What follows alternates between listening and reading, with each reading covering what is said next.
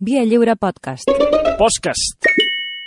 Au village sans Que no prétention. me'ls, no me'ls trobo a la, a, la, a, la, a la sopa i ahir va i el mal com una pregunta allà quan estàvem al mi, clapés. a mi no em van posar la pregunta. Sí, ja m'ho van dir, que hi havia una pregunta teva i que no... Me la van censurar. Què? No. La pesa em va censurar. Volies, volies fer-me-la igualment o...? No, home, jo, jo vaig preguntar, va, em va trucar l'Anna Pris i em va dir, Sí. sí. escolta, dic, mira, doncs m'agafes el celler de Can Roca i m'estan portant, m'estan portant un compte que està a nom de Xai Bundó, que si vens o el pago jo i després ho arreglem amb un, bi, amb un bizum. Des d'aquí, eh, si ens estiguessin escoltant, salutacions a la gent del celler de Can Roca que han, Home! han tancat durant un temps per, per responsabilitat davant de Sí, l'augment sí. de casos a, a Que, les que comarques de que bé t'ha Girona. anat això que tanquessin. Va, eh, què diu ara? que animal. Escolta, però saps que són famosos ja, ara Qui? ja? Nosaltres, els execrables. Ah, sí, sí, sí. Jo crec que en el... En, o sigui, ningú es podia imaginar fa 5, ara fa 5 o 6 anys que van començar... Eh, que, Per mi que vas com si fos ahir. Que, exacte. Tinc el record com si, en fi, no haguessin passat els anys. Eh, que, que no es podia imaginar que el món giraria al voltant dels execrables. Que ara, o sigui, tot es posen medalles i es treuen per... Va, per el- el món de RAC1, vols dir? Basté, Basté ens va citar. Sí, sí, sí, va fer tot un davantal sobre els execrables. Per tant. sí, sí, però... I ens, va dir que, I ens va dir que havies de, de suprimir la secció i, i nosaltres cremem els llibres. Per tant, com aquí, evidentment, mana Basté, Què? avui és l'últim. Ah, sí? Sí, home, sí, sí. Ah, si ho diu Basté, ja està. Home, no, t'ho dic... Que, que, que, Basté pot ser un davantal dilluns dient que poden seguir, és que clar, com que a mi no em fan cas... No, no, perquè nosaltres la, la competència que se'ns ha aixecat és molt dura. Per exemple, l'Albert Pla. Ara, que fa això de, de no m'expliquis històries. Que és molt més rigorós que el nostre. Perquè quan va parlar Leonardo da Vinci, eh, ens va treure un personatge. I amb, i la- l'havíeu fet, Da Vinci? No. Jo ho pensava, dic, no sé si ara amb tots els que hem fet però, fins ara... Però vaig pensar, quan vaig sentir l'Albert Pla, vaig, vaig pensar, hòstia, tens tota la Da raó. Vinci, home, Da Tot- Vinci. No hi ha un puto invent d'aquest tio que funcioni. Bueno, uh, Albert Pla, la setmana passada va semblar extraordinari el tema de les piràmides. Les piràmides. I aquesta setmana, demà, ja aviso, uh, parlarà de batalles absurdes de la història, que em sembla Clar, que, que ens- té ens- molta... Ens, nosaltres podem acceptar que un geni com l'Albert Pla ens trepitgi. Fins Sí. i tot que la que Marrero i la Marta Ramon facin La jaula de les eh, la jaula de les loques a l'estiu, que està, això sí que està currat. I però que no podem... Eh, ja, si se'ns posa la competència Manuel Valls, bon, bon diumenge... no pot ser. No pot ser, clar. Clar, amb. Bar- Perquè Però nosaltres... voleu presentar una queixa per... per... Nosaltres ens havíem preparat a Heribert Barrera. Teníem Heribert Barrera. Havíem escarbat a la vida d'Heribert Barrera. I clar, surt ell i ens, i ens ho rebenta a un, un bon diumenge. No, no pot ser. Sí, sí sabíem... És intrusisme professional sabíem, per part sabies de... que Heribert Barrera era físic i matemàtic? Mm, No en tenia constància. que va donar classe a la Universitat de Montpellier i a la Universitat de New Hampshire mm. i que va ser president de l'Ateneu Barcelonès molt abans que Bernat de Déu intentés ser president de l'Ateneu Barcelonès. Clar, això... Per tant, tota la feina a la merda. O sigui, el que ja havíeu fet ja no... No, eh, ho llancem i, per tant, hem hagut de canviar de personatge a última hora, per això hem entregat el guió ara fa 10 minuts, cosa que no passa mai. I hem optat per parlar avui d'una dona que ve a completar aquesta subsecció de destrossa la teva infantesa, no? Home, ja hi som, ja hi anem, a, anem a Ai, putejar ai, els ai. nens aquests, els boomers, i com ai, es diguin ara. ai, ai, ai, a veure, Una dona de la infantesa, eh? veure. Sí, que va ser la inspiració de milions de nens i de nenes de tot el món. I no és Xuxa ni Letícia És Sabater que jo anava per Xuxa, però que he pensat ni, és viva. ni Sabrina Salerno. Una autora més traduïda, escriptora, més traduïda que Lenin, i també que Heribert Barrera, òbviament, i que va escriure, atenció, eh, 762 obres, traduïdes a 90 idiomes. Ah, ja sé qui és. Bueno, Ah, espera. ah, tu ets molt llest. Que ha venut més de 600 milions d'exemplars. Xifres només comparables a Agatha Christie, Shakespeare, Verne o els il·lustres execrables. Que té un, que té un dia al seu nom, té el dia Enid Blyton, perquè parlem d'Enid Blyton. Ara, ara. Ui, quin un desastre. premi al seu nom i que també ha tingut la seva cara en els segells, a segells, a veure, segells pels de l'ESO. És una mena d'adhesiu, una enganxina, que es posava amb una cosa que es deia sobre, que a dintre hi havia una cosa que es deia carta, però és molt difícil d'explicar-vos-ho ara. Com enviar un mail, però... Però, però com, com enganxant una pegatina a sobre, saps? També té un premi al seu nom i, i, i, i a més a més, la- l'estat britànic, la, el Regne Unit, li anava a dedicar la moneda de 5 penics. Li anaven a posar la seva efígie a la moneda. Imagina't si és important perquè et posin el careto a la Ah, moneda. home. Però quan li anaven a dedicar la moneda van descu... es va, va haver-hi molta polèmica i es va aturar la fanfàrria i l'homenatge. Perquè en realitat estem parlant d'una perra, d'una senyora cruel, hipòcrita, alcohòlica, falsa, racista, masclista, classista, classista, arrogant, pretensiosa, narcisista, xenòfoba i que odiava els nens. No fotis, Enid Blyton no podia odiar els nens. Però si era el seu odiava. públic, home. Sí, especialment els seus. I això, que les seves obres, avui, encara produeixen, 52 anys després de, que, de morta, beneficis de 31 milions de lliures anuals. Ara, qui no ha llegit les novel·les de Los Cinco, mm. Els Set Secrets, Nodi, Les Torres de Mallory... Doncs esperem que, eh, a partir d'ara, ningú més. Parlem, si no ha quedat clar, com ja hem dit, de Enid Mary Blyton, coneguda mundialment com Enid Blyton.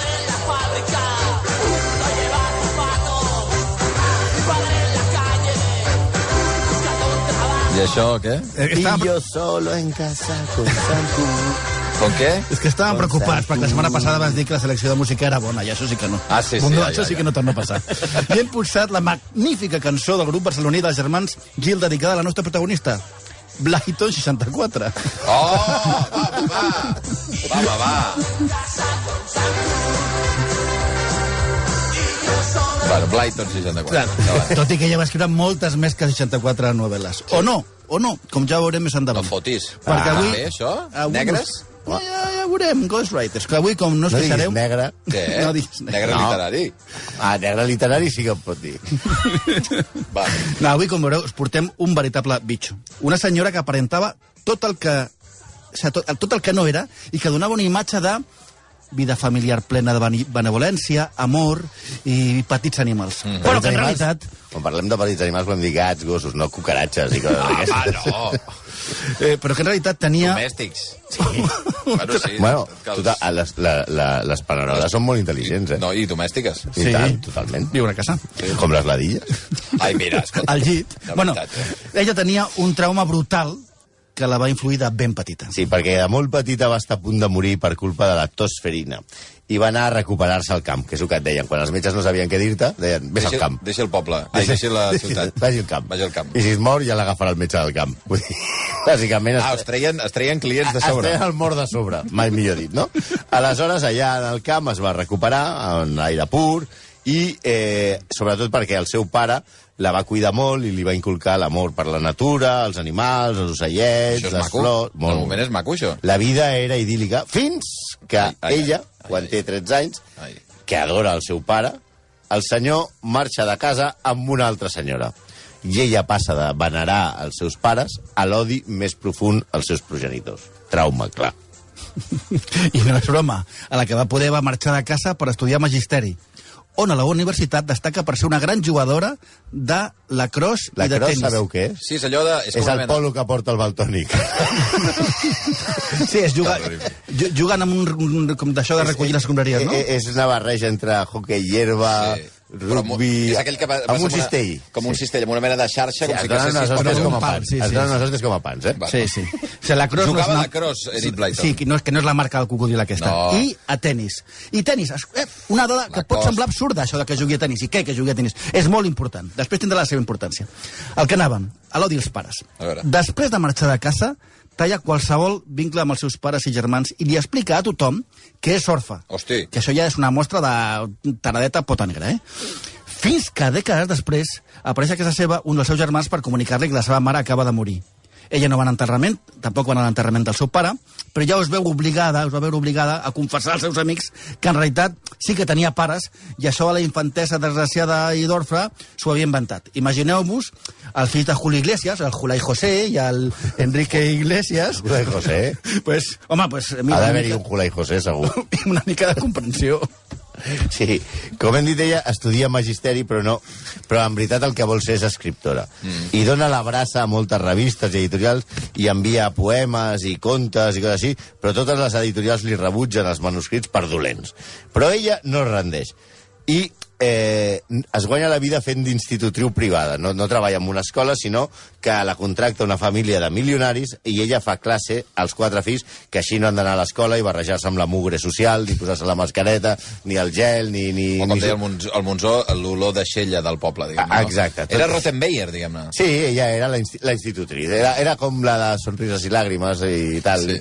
i els feia cantar i aquestes coses. Bueno, aquests nens que surten després tarats i fan aquestes coses i, i es masturben sols. Va, Va. I aleshores, eh, ella... Ostres, què té a veure, això, ara?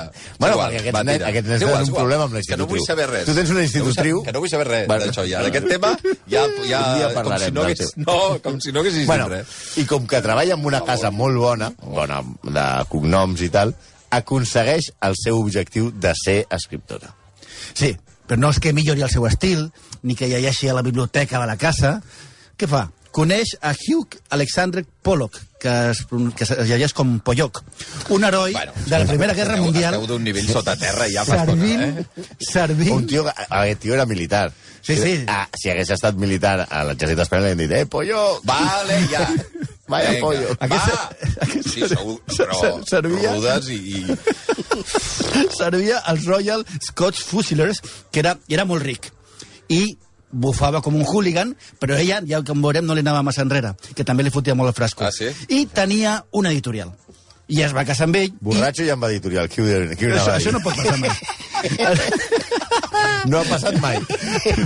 No s'han dado casos. Es va casar amb ell i, òbviament, va començar a publicar amb un èxit descomunal en quan va fer obres dedicades als nens. Els seus biògrafs, entre els que hi ha la seva pròpia filla gran, consideren que la boda d'Enid va ser absolutament interessada i que mai va estimar el seu marit. El que més li va posar unes banyes catrodialícies des del primer moment, eh? A més de ser dolentes, avui trobo que se senten fatal. com que és dolenta? Bueno, què vols que et digui? No sé ni què és. Los cinco latinos. Cinco latinos. Cinco latinos. Perquè Ara estaven- posar-se a fer mexicà, ara, per acabar de rematar. Los cinco latinos, grup homenatge a la so- sèrie de novel·les que li van donar la fama a Eric Blyton. Ah. Los cinco latinos. bueno, és que no pilles res. És espantós. O sigui, és una cosa que no es pot suportar. Ja, bueno, es veu que a la senyora Blyton això del nyaca-nyaca li agradava més que les històries de nens a internats resolent crims i Això misteris. no és cap... Com a tothom vols dir, no? Clar. Parla per tu, parla per tu, Xavi. No, però, parla per ella- jo no parlo de res. Ella, dic- no, a veure, ella no, no, no, no, no, no, a veure, que estem a favor, a favor del nyaca-nyaca, eh? Tenia, ella es va liar a la, a la, amb la majoria d'amics del seu marit, que a més a més, pobret, estava malalt de pneumonia. Oi, oi. També es va liar amb l'esstitutriu de les seves filles, mira, i tenia una idea del sexe bastant participativa, jovial. És a dir, que Los Cinco no és només el títol de la sèrie de novel·les que la van fer famosa. Era per alguna cosa més. Vale? Ai, ai, ai. Bueno, entrant calor. de five. Oh, de five. Ja. Va. a més, entre les curiositats que tenia, que és la que més ens agrada d'aquesta dona, és que jugava al tennis, ja sabíem que a la Sí. universitat, però jugava al tennis despullada. Per, però per algun motiu? O... No, Ah, no, no, no, no sabem el motiu. Es creu que era com, com, com, com una prèvia de després de, de fer los cinco. Va, però vull dir que no era, no era en competició. Per dir No, era, dir, tenia una cosa- pista de tennis a casa seva Ah, va. i aleshores ella, quan convidava el, el, els seus això, Vaig, amistançats... vaig a canviar-me. De, no, deia, deia, vamos a hacer un partidito tenis. I la tia sortia ja tota conilla. Aleshores, això com a mínim ens resulta estrany, incòmode. Però igual és la manera amb la qual el passat de Rafa Nadal deixaria de treure's la goma dels calçotets de la regatera. Vamos, cada Rafa! vegada- Vamos, Rafa! És veritat, que sempre fa aquell gest de, Allò. tocar, de pap. Igual ell, a, aleshores, a, igual es trauria una altra cosa. Aquest problema no el tindria. No el tindria, potser tindria No, però jo crec que lo de Rafa Nadal són tarzanetes, és un altre rotllo. eh? Ai, Bueno. vés a, vés a fer punyetes, home. Aleshores, Oh, quin horror. bueno, per resumir, la seva biògrafa, que es deia Nadia Cohen, va resumir la vida privada de, de, de Blyton com un, que m'agrada molt l'expressió, per dir-ho finament, un motí de relacions extramatrimonials. Òbviament, menys la qüestió del tennis, compartim totalment la seva visió lúdica de la vida. Però aquí ve el problema. Quan ella va voler desempallegar-se del seu marit, el va acusar de què? D'adulteri! D'adulteri! Eh? Molt a favor. Eh, eh, és cert que ella es valia una vegada amb una dona mentre estava servint com a conseller de Churchill durant la Segona Guerra Mundial. Però és que ella el partit el guanyava per 8-0 quan el, i quan el fan el primer gol, s'emprenya. A més, Una ella... mica de comprensió, senyora. A més, ella en que aquesta que s'ha tirat, a- tirat a tots els Royal Scott Fusiliers. I a l'equip de la Copa Davis. amb pilotes. Va, avança. Però a més a més, com a model de separació pacífica, eh, ella va amenaçar amb destruir-lo. Ella ja era bastant famosa i li va dir que el podia destruir. Des destruir. A més, el va convèncer de que havia de donar la imatge de que eren una família unida, que, com la que reflectia els seus llibres. Penseu que la mansió on vivien va ser batejada pels seus lectors mitja- mitjançant un concurs a una revista. És a dir, tot era idíl·lic. I per si aquest argument no era prou, li va dir que si no es divorciava confessant la seva, la seva infidelitat, mai es tornaria a veure, mai tornaria a veure les seves filles. O sigui, això és bon rotllo, eh? El, el Pollock va acceptar. Pollock. Ella va poder casar-se saps. amb un metge milionari amb, la, amb el qual portava ja dos anys liada. Li va canviar el cognom a les filles i el senyor Pollock mai va tornar a veure les nenes. Al temps que ella s'assegurava i feia tots els moviments, perquè ella ja era una gran figura al, al món editorial, de que el seu ex no trobés mai més feina en el món editorial. Uh, Com tantes coses, la seva relació amb les filles era una farsa. Va tenir dues nenes després de molts problemes per quedar-se embarassada perquè el seu úter no havia madurat. El tenia com el d'una nena de 12 anys i havia d'hormonar-se. Com Messi, però en joc per parir, però no per tirar faltes. les va tenir, quan les va tenir, tant desitjar-les, però quan les va tenir les va maltractar fins al punt que la filla gran Imogen va escriure una autobiografia, A Childhood in Green Edges, en la que explica que, obro cita, Enid Blyton era arrogant, insegura, pretensiosa i tenia molta habilitat per allunyar de la seva ment coses difícils o desagradables. No tenia ni rastre d'instint maternal i de nena sempre la vaig veure com una autoritat estricta. Quan ja em vaig fer adulta, ja no la vaig odiar, la vaig compadeixer. Home, les nenes... Això diu la filla de Nina. Això La diu la, la Buah. filla. Les nenes tenien motius perquè la seva mare no els hi caigués massa, massa bé. Elles veien, que el, el, elles veien el que de veritat es coia dintre de la mansió. Per exemple, les festes de la seva mare, elles estaven batades. No, home, no no m'estranya. No, però espera, no les festes de tennis amb pilotes. Ah. A Blyton li obsessionava la fama i volia sempre estar rodejada de gent que li fes la pilota i li digués que era genial i fabulosa. De fet, era una gran avançada a les tècniques de màrqueting i branding, una mena de Santiago Segura de l'època, però sense aquest aspecte de yonqui que se li ha posat després de primar-se. Així que organitzava berenars per admiradors que anaven als, amb els seus fills a la mansió de Green Hedges a casa seva. Festes a les que les seves filles no podien participar. Ella feia el paper de dona amant dels nens, però, per exemple, no deixava que les seves filles juguessin mentre ella estava escrivint perquè feia soroll i la distreien. També va prohibir als nens del barri jugar davant de casa seva.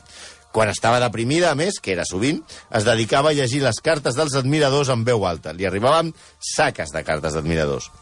La seva figura ha, ha, va ser analitzada psicològicament a posteriori i un dels, dels que la va analitzar, el psicòleg Michael Woods, va, uh, va escriure que la clau estava en què, obro cita, Blyton era una nena, pensava com una nena i escrivia com una nena. El seu sentiment és essencialment preadolescent. No és estrany que odiés els altres nens, els que veia com uns rivals per a ella. Sí. A mi em sembla una pullada gegant i una merda de- d'argument per part del psicòleg, però jo crec que només Blyton era idiota i ja està. Però bueno, jo no sé de psicologia. I si ens faltava alguna cosa per completar el retrat d'aquesta tarada, doncs... Tinoninonin, tinoninonin, cirera, cirera, cirera, també era nazi! Home, Era era nazi, també! Bravo, bravo. Ha tocat. jackpot. Ha tocat. En un sopar amb altres parelles el 1930, a la taula es va parlar de política i es va comentar el perill que suposava per a Europa aquell nano que començava, que es deia Adolf, i que amenaçava amb, amb, amb anar a Alemanya. Al sopar, alguns van comentar, cosa que no era gaire estranya a l'Anglaterra de l'època, que Anglaterra necessitava un Hitler. Una de les persones que més va defensar aquesta teoria enèrgicament va ser Blyton, en contra de l'opinió del seu marit i les seves banyes, el que després deixaria tirat. Tant va ser la discussió que el marit es va aixecar de la taula i marxar. Va ser una, Carai. una discussió encesa a favor de Hitler. I, i, i, I ella es va quedar, segurament va, aprofitaria per jugar al tenis amb algun dels comensals. Després, un cop el marit hagués marxant, va fer un, un, un muerte súbita, un, un Roland Garros i un Flashing Meadows, amb una. Bueno, després, posteriorment, ella va mantenir sempre una certa tolerància amb el nazisme fins que va esclatar la Segona Guerra Mundial i aleshores va amagar que, en públic aquestes opinions. Però com veurem a continuació, només s'ha de rascar, rascar una miqueta en els seus llibres per veure la seva veritable ideologia. Hombre, aquesta és bona. Sí? Oh, ja està, estan bé. A veure si t'agrada més els Jackson 5 que los cinco, los cinco latinos. és que... Però aquesta no sé per on ve, Sí, i, i anem, no, anem entrant en matèria de, de la... Ah, matèria, per, per negres. Sí, de la seva... I De la seva més o menys. Ah, dels cinc. De les seves idees Vale, vale. per la banda sonora de, de, de, de, dels cinc més famosos després de Nick Blyton, que són els Jackson 5. Sí. I al tanto, perquè no descartem una teoria patillera que ens acabem d'inventar, sense cap base científica, que eh, Michael Jackson era fan de les novel·les de Blyton, Segur. que traspuen eh, racisme, i d'aquí la seva obsessió per tornar-se blanc. Abans de començar... Vaya, vaya teoria de... de No, no, de- espera, que te de- l'expliqui, que l'expliqui, que té una base. Té una base que la van fer, la, se'n va acudir ahir entre... Whisky, whisky. Entre el sopar i el carajillo. O sigui, en sèrio. Una cosa molt, molt reflexionada. A veure. Abans de començar a parlar dels cinc, un exemple. Un dels contes infantils que va escriure Nick Blyton i que més fama li va donar a l'inici de la seva carrera és un que es titula The Little Black Doll, la, nina, la nineta negra, en la que s'explica la següent història tan bonica.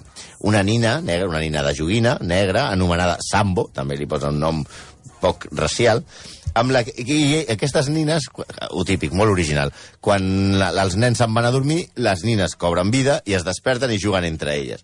Però, clar, les altres joguines no volen jugar amb Sambo, i obro cita textual del conte, per la seva cara lletja negra. Les altres joguines, sí. que són unes cabrones, els Hypermans, el Cinexin i tots aquests, li fan bullying a la nena, a la nina, tota l'estona. I la pobra nina es veu obligada a fugir del, de la casa on era tan feliça. Li passen moltes parreries pel món, però aleshores hi ha un dia que està pel carrer dormint i tal, i comença a ploure. Mm. La pluja li neteja la cara Ai. i es torna blanca. Ai. Quan ja és blanca, la pobra nina Sambo torna a la casa, on les altres joguines la reben com una joguina més, l'accepten i tornen a jugar amb ella.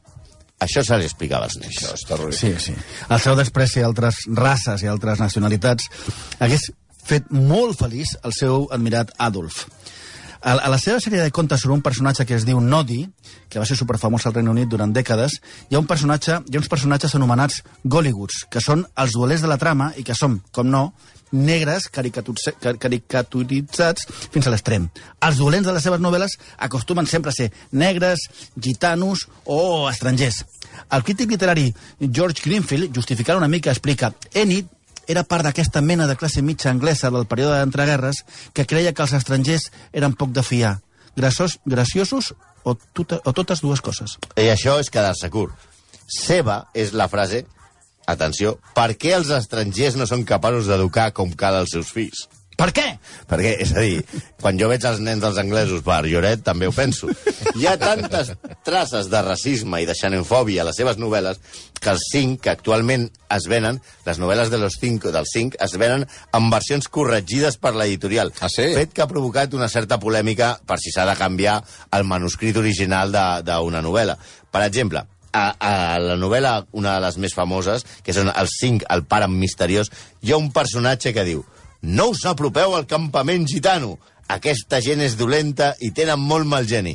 Actualment, si l'aneu a comprar, el que podreu llegir és no és bona idea apropar-se al campament dels Rodamons, Bravo. Però no diu per què. Bravo. No diu per què. perquè són gitanos.